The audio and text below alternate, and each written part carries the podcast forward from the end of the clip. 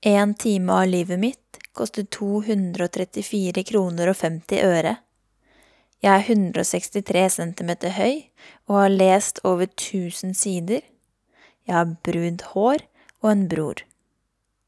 Det koster 234 kroner og 50 øre å låne en time av livet mitt. Hvor mye koster du?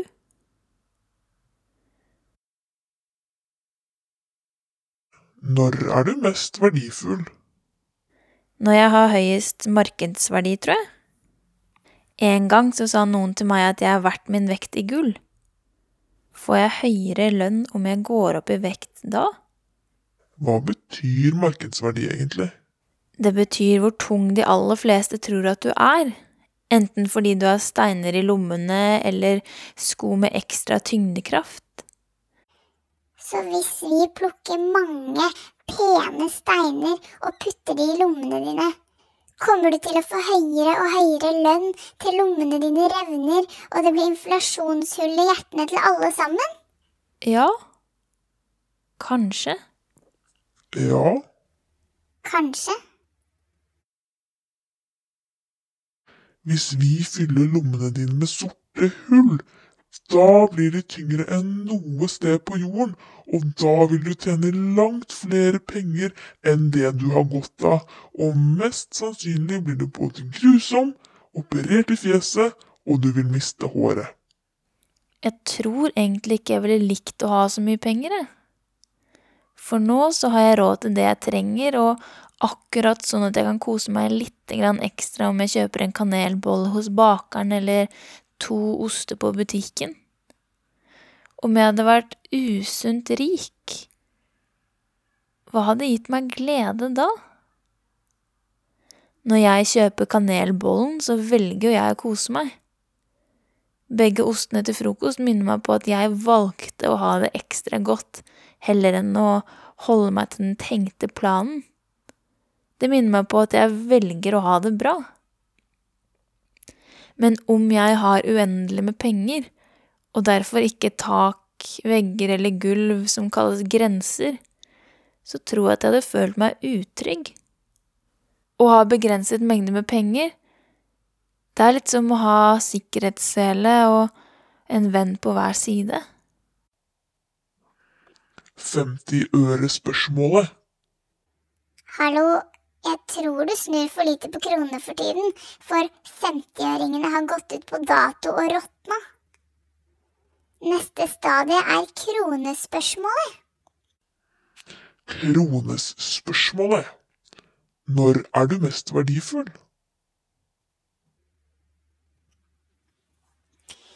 Tikronerspørsmålet. Hvorfor koster noe mer enn andre ting? Et hus består av planker, badefliser, hudrester og trappetrinn. Plankene har meterspris. Badeflisene koster papirlapper eller bankkort. Hudrestene er gratis, og trappetrinnene er et symbol på prisstigningen i boligmarkedet. Men det er jo ganske rart at det samme huset med de samme plankene, badeflisene, hudrestene og trappetrinnene kan være alt fra gratis til dritdyrt. Huset er jo det samme. Huset er jo det samme. Antallet penger kan jo faktisk ikke styres av den usynlige hånden Adam Smith fant opp i gamle dager. Da er det jo helt utenfor enhver kontroll. Kanskje det er derfor så mange dør så plutselig? Fordi den usynlige hånda sniker seg opp bak dem og slår dem midt i planeten, eller knuser strupehodet deres?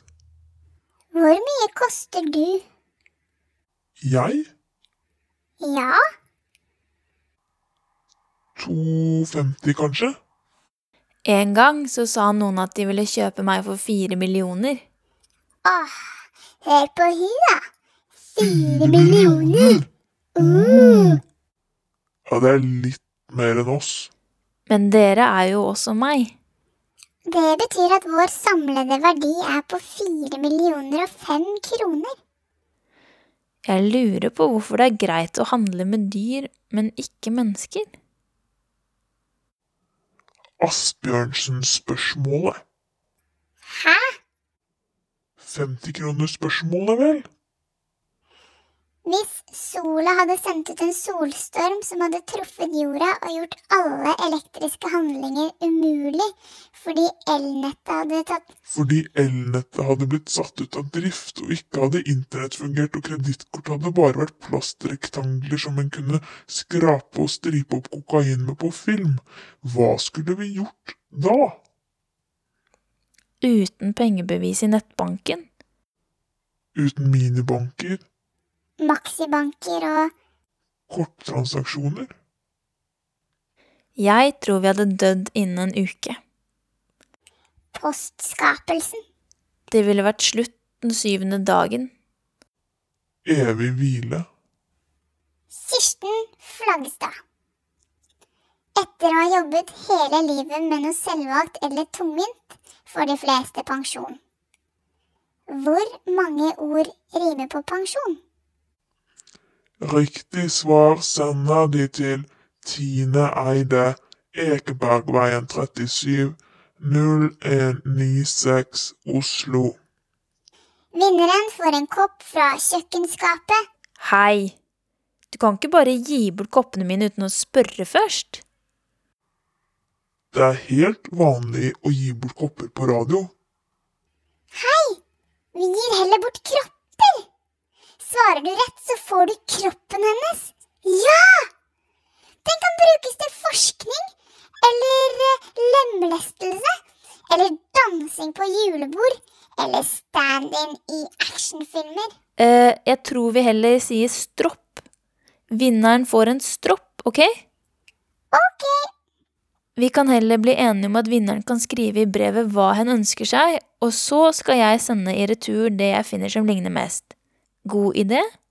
god idé! Enig. 200-kronersspørsmålet. Hvorfor kan det være ubehagelig å få en veldig dyr gave, mens en veldig billig gave kan være en fornærmelse? Betyr det implisitt at du viser hvor mange timer av livet ditt du er villig til å bruke på en person? Og er det akkurat passe, er det perfekt? Er det for mye, er det tvangstrøye? Og er det for få timer, så er det en ripe i lakken? Betyr det at en dyr gave fra en børsmegler sidestilles med en billig gave fra en arbeidsledig? Hva er den dyreste gaven du har fått? Jeg fikk en designersofa av pappa, fordi jeg fikk han til å love meg at han skulle kjøpe en sofa til meg når jeg flytta ut. Jeg var sikkert eh, elleve år eller noe, og han sa ja. Den sofaen var veldig dyr. Hvor mye kostet den? Jeg har ikke så lyst til å si det, egentlig. Hvorfor ikke? Fordi da vet den som hører på hvor mye sofaen kostet. Og jeg er litt redd for å fornærme noen ved å si det. Du fornærmer jo folk hele tiden. Det ligner ikke deg å bry deg om sånt. Nei, jeg gjør vel ikke det heller. Men når det kommer til å fortelle hvor mye sofaen koster, så gjør det liksom litt vondt i magemusklene. Du tar jo ikke situps engang. Nei, nettopp. Passa da til bryt inn? Hans Christian! Hvor har du vært? Jeg har bare sittet rett her. Men vi har jo ikke sett deg. Jeg sitter her og telt skillingene mine, da, vet du. Blir du sinne, ja? Da blir jeg usynlig. Da får jeg superkrefter. 500 kroner spørsmålet. Hvorfor er det så ubehagelig å prate om hvor mye en tjener? Hvis en aldri har tjent noen ting, så kan det være litt ubehagelig å prate om det også. Det kan det. Det kan være ubehagelig. Hva ubehagelig tykker du det er hvis noen spør deg hvor mye du tjener? Jeg syns det er helt greit, for jeg tjener ikke så mye. Så jeg syns det er helt greit. Men jeg syns det er veldig vanskelig å si det, for jeg faktisk ikke vet hvor mye jeg tjener. For når jeg har enkeltpersonsforetak, så er det ikke så lett å holde styr og orden. Så jeg vet ikke helt hvor mye jeg tjener. Hvor ubehagelig syns du det er om noen spør hvor mye du tjener? Det kommer an på hva det er. Men jeg tykker ofte at det er litt ubehagelig, og det handler mest om at jeg lurer på hvorfor de spør. Fordi at det er et spørsmål som en ikke helt uh, den gangen spør om det Hvis banken spør om det, så er det jo ikke ubehagelig. For da er det bare et tall som de skal ha inn i et skjema for å se om altså de skal regne ut et eller annet. Mens hvis noen spør meg, så, så ønsker de jo den informasjonen for et eller annet. Uh, og da kan en bli litt sånn mistenksom. Prøver de f.eks. å lure meg, vil de ha med meg på et eller annet prosjekt der de tenker at å ja, men du tjener så mye, men da kan du sikkert bidra med 50 000, du, til det her eh, popkornkiosken som vi skal logge her nede i gata di. Hvor mye, på en skala fra 1 til 10, syns du det er ubehagelig å bli spurt om hvor mye du tjener? Det er Jeg tror jeg tykte det var mer ubehagelig før, for jeg har tenkt mye på dette her, så nå er jeg nede i Jeg har hogga til å si seks skjau, men jeg tror ikke jeg er helt nede på seks. Hva er det som har gjort at det er blitt bedre enn før, da? Ja, For jeg har tenkt på at det er en slags eh, Og dette her Nå syns jeg at jeg er dust sjøl, for at jeg, har, jeg syns at akkurat den setningen jeg skal si nå, den er overbrukt i eh, vår samtid. Men det å prate om hvor mye en tjener, er et slags tabu i vår tid. Eh, og jeg var fryktelig fascinert da jeg begynte å høre på den svenske portrettpodkasten Vervet, som da er et eh, halvanna time langt eh, intervju med en person, går den podkasten ut på. Og han som har den podkasten, I hvert fall i starten så hadde han faste spørsmål. Så alle ble spurt om Altså han hadde noen punkt som alle var innom. Og da tykte jeg det var spennende at folk kunne sitte og prate om alkoholismen sin, eller hun kunne prate om eh, hva annet personen i nær familie hadde dødd, eller hva annet de sjøl hadde prøvd å ta livet sitt, eller ting som er kjempenært og intimt og, og uh, utleverende. Altså, når han kom til sitt faste spørsmål hvor mye tjener du? Så ble ikke, skal ikke si alle, men et utrolig stort flertall av dem som ble intervjua, ble kjempeukomfortable. Fryktelig mange prøvde å komme seg unna spørsmålet. Mange som Nei, men jeg veit ikke helt, og du veit, får jeg det inn, så det er managementet som styrer med det.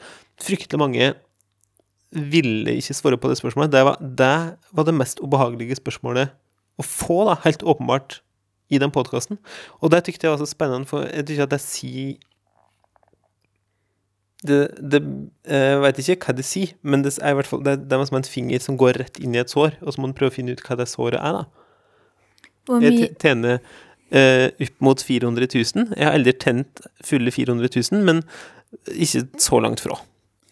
Hvor mye sier det om deg som person, hvor mye du tjener, da? Ja, det er jo noe med det. Jeg tenker at jeg tjener jo fryktelig langt under den norske gjennomsnittslønnet. Sjøl om jeg har høyere utdanning og mastergrad og full pakke. Men det er jo da på et eller annet vis den eh, Det finnes et regnestykke, til en viss grad i hvert fall. I livet mitt så finnes det et slags regnestykke som er hva godt liker du det, det du driver med, og hvis eksempel jeg, da, gjør noe som jeg liker skikkelig godt, jeg er ordentlig glad at jeg kan drive med det jeg driver med, og da eh, er det ikke automatikk i at en tjener mindre, men da kanskje godtar en å tjene mindre, eksempel. Altså tjene nok til å ha alt jeg trenger, jeg har ikke noe slik Det er ingenting i livet mitt som gjør at jeg liksom burde gripe inn og sørge for at det tente mer. Hvis du skulle satt dette litt i perspektiv, så sa jo du at du syns det er syv til seks ubehagelig. Hva slags spørsmål kan du bli stilt som er under syv til seks, og hva slags spørsmål kan du bli stilt som er over syv til seks Ha. i ubehag? Som er under 76, det er jo de aller fleste spørsmål. Si ett, da. Det er spørsmålet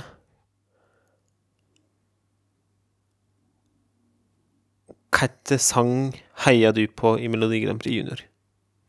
Og hvilken sang heia du på i Melodi Grand Prix Junior? Um, jeg var nok Det er nesten litt slik at det er litt ironisk, men mer litt på ordentlig heia på den sangen som heter Vestlandet.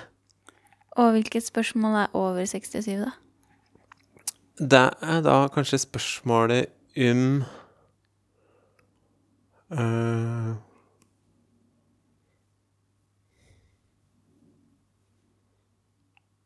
det er kjempevanskelig å komme på. Hva er det spørsmål som er mer så, så, spørsmålet om hvor mye du tjener, er det verste spørsmålet du kan få? Nei, det er ikke det. Eh, det fins f.eks. spørsmål om hvis går, måte, hvis noen går fryktelig sterkt inn i seksuelle preferanser, så kan jeg tykke det er eh, Men jeg vet ikke om jeg tykker det er så ubehagelig. Um, jeg lurer på hva er det som jeg ikke ønsker å fortelle folk, da? Jeg er helt sikker på at det, det er mange spørsmål jeg tykker er mer ubehagelige å få. Men de får en jo aldri, sant? Eller ikke jeg, i hvert fall. Hva det spørsmålet vet du sjøl at du ikke er mer ubehagelig enn 67? Jeg syns ikke det er så ubehagelig da, å bli spurt om hvor mye jeg tjener. Nei. Men er det Hvis, at, hvis du tente kjempebra, hadde du tykt det var mer ubehagelig da, tror du? Mm, ikke hvis jeg hadde følt at arbeidet mitt var viktig nok, på en måte.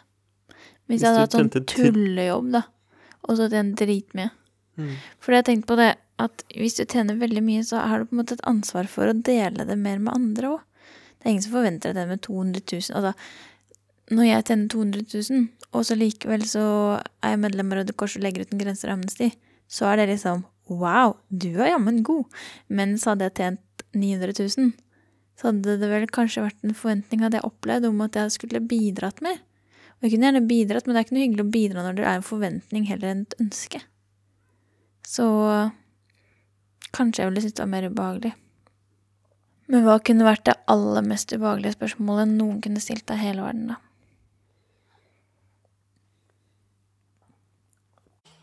Tusenkronersspørsmålet. Det er det viktigste. Selve symbolspørsmålet.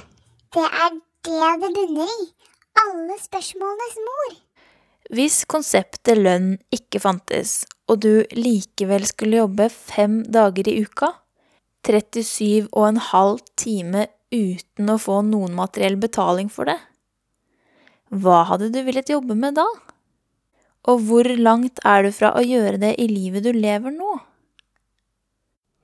Vi har laget en pengesang. Eller et pengestev. Ja, Et pengestev som avslutning. Kan vi få framføre det før vi slutter? Ja, det er greit for meg. Er det greit for deg også? Du hører jo ikke hva den som hører på, svarer. Så store ører har du ikke. Nei, men jeg tenkte det kanskje kunne være høflig å spørre likevel. Ja, hva om en sier nei? Da tar jeg sjansen på at dere klarer å overbevise. Ok, sjef. Nå begynner vi. Rull og rull og rull og rull. Kroner ruller rundt i verden. Rull og rull og rull og rull. Nerden, nerden, nerden, nerden. Penger stuper. Penger hopper. Svarer du riktig, vinner du stropper. Døra koster penger. Sokker, blod. Du trenger. Jobber du, så får du lunsj. Betaler du mer, får du punch. Boller og kanel. Raspeball og sel. Tombola, tombola, flakslodd og frelse. Mamma til Hans Kristen heter Else. Frelse! Hans Kristen er født av Else. Yeah! Hest, hest, trompet på fest. Penger, penger, selskapsvest. Gjest i verden, gjest på ferden. Penger snurrer, null og null glitter klirrer, du er gull. Null hull! Null hull! Null hull! Null hull! Null hull!